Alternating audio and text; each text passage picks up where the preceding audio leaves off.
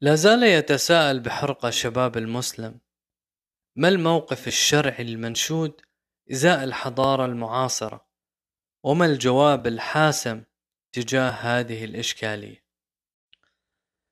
إن من تأمل وتدبر صادقا متجردا تعامل الأنبياء مع المنجزات الحضارية ومخزون العلوم المدنية في عصورهم انكشف له منهج التعامل الذي يرضاه الله سبحانه وتعالى لنا في موقفنا تجاه الحضارات المعاصرة.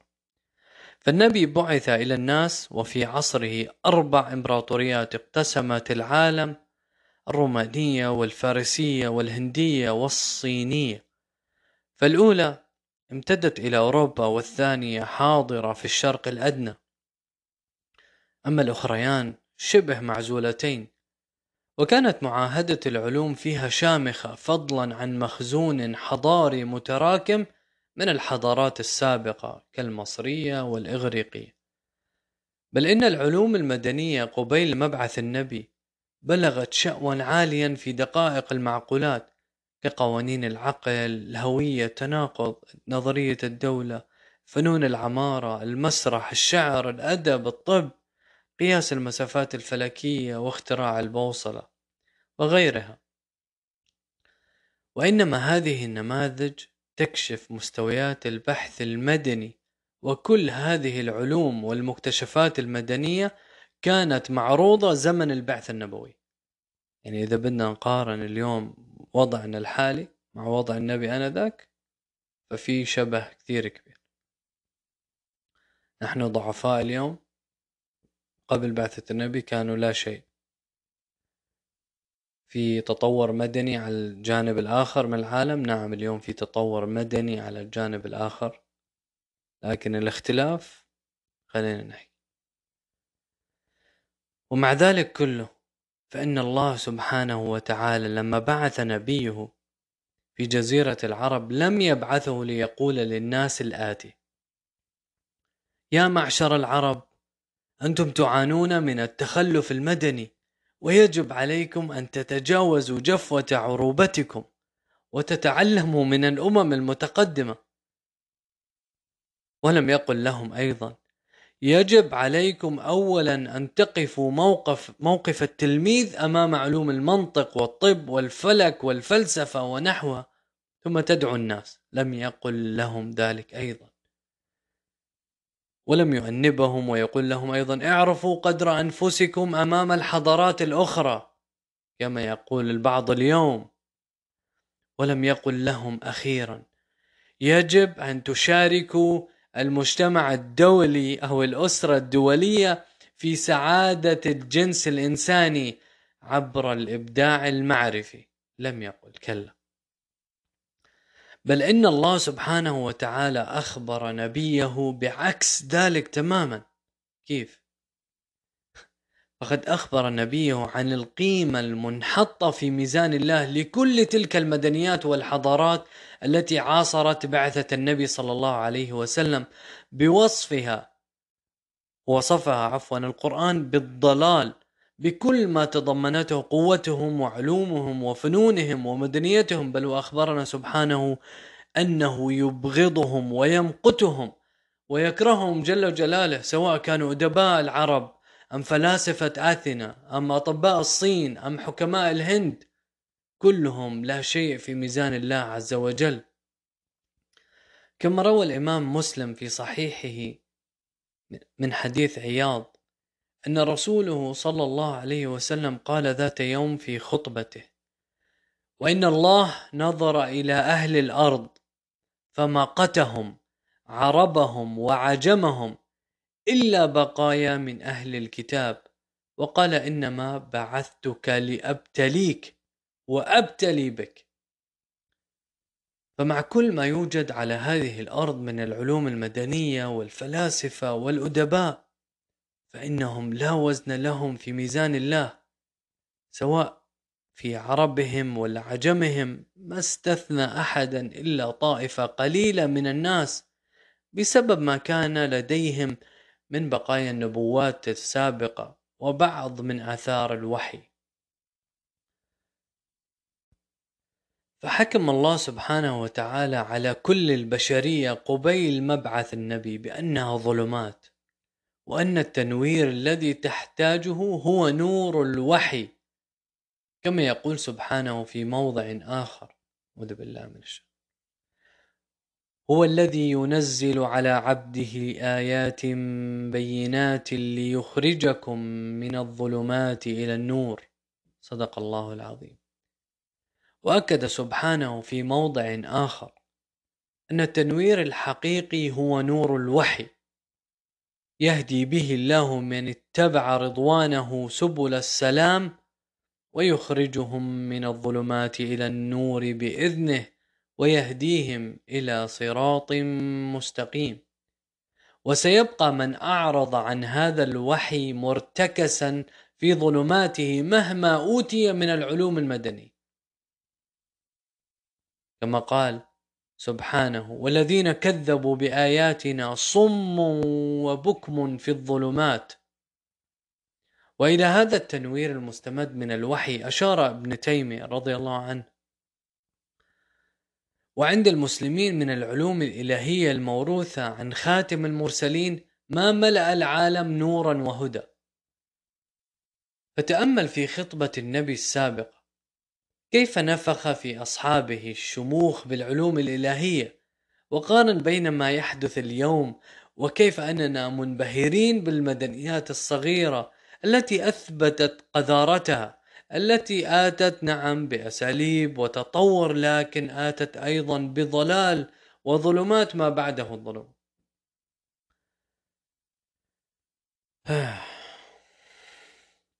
كيف نبه الرسول صلى الله عليه وسلم أصحابه إلى أن التنوير الحقيقي هو نور الوحي. وربى أصحابه على أن تلك المجتمعات أو, أو الإمبراطوريات أو الحضارات المتمدنة يحتاجونكم أضعاف ما تحتاجونه. فهم إنما يملكون الوسائل وأنتم تعرفون الغايات الغايات من هذه الوسائل. وشتان بين منزلة الوسيلة والغاية. بل إن من طالع موسوعة المفصل في تاريخ العرب قبل الإسلام للمؤرخ العراقي الشهير جواد علي التي كانت عبارة عن عشر مجلدات. ورأى حال الجزيرة العربية آنذاك قبل البعثة من ألوان الآداب والفنون والحكمة العقلية ثم قارنها بتقييم القرآن لهذه الحالة العربية قبل البعثة. فسيعلم يقينا منزلة مظاهر الدنيا وعلومها وفنونها ومدنيتها في ميزان الله. فمع كل ما كشفته تلك الموسوعة التاريخية من إبداع عقلي وأدبي عند العرب آنذاك فإن الله سبحانه يصف الواقع العربي بالضلال المبين كما يقول أعوذ بالله هو الذي بعث في الأميين رسولا منهم يتلو عليهم آياته ويزكيهم ويعلمهم الكتاب والحكمة وإن كانوا من قبل لفي ضلال مبين. يصفهم بذلك برغم أن فيهم الأدباء والشعراء والخطباء والفروسية والمروءة وكرم الضيافة بل كان فيهم حكماء يتناقل الناس حك... حكمتهم إلى يومنا هذا. مثلا ك... كقس بن ساعدة وأكثم بن صيفي وغيرهم.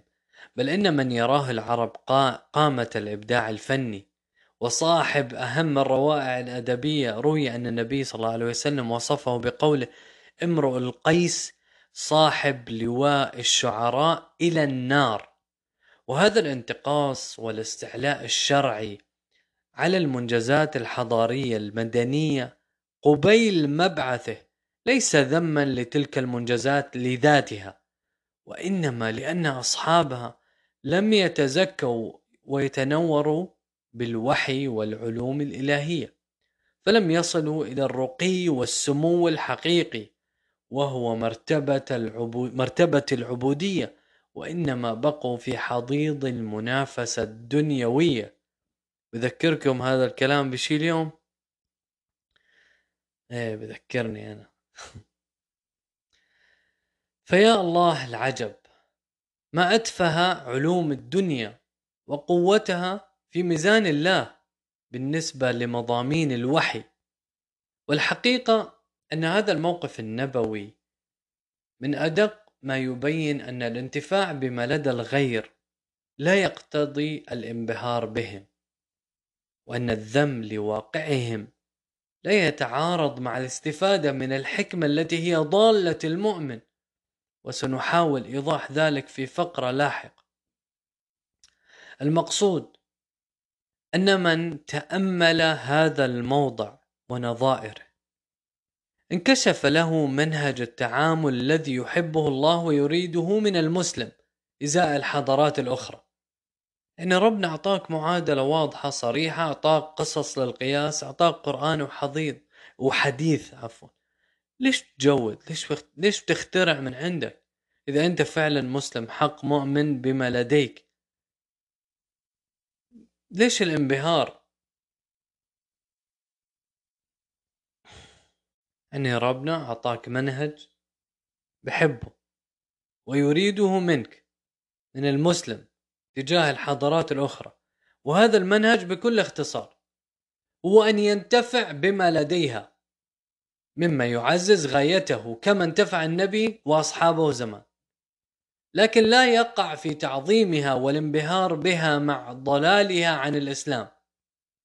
بل يعي تخلفها وانحطاطها وظلاميتها كما وعى ذلك النبي وأصحابه رضي الله عنه.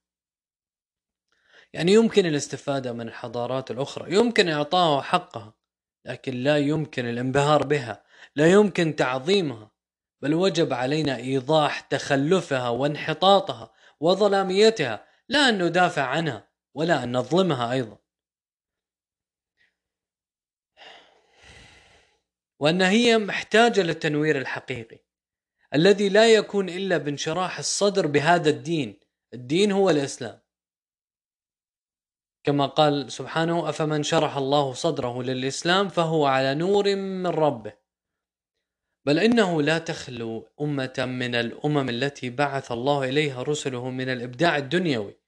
يعني ليش اليوم الانبهار؟ بل بكل حضارة كان في إبداع دنيوي في أحد الفنون المدنية. ومع ذلك كله فقد بعث الله الأنبياء ليخرجوهم من الظلمات وإلا شوف فائدة إرسال نبي؟ اليوم إحنا ربنا شاء إنه ما يكون في نبي بعد النبي صلى الله عليه وسلم.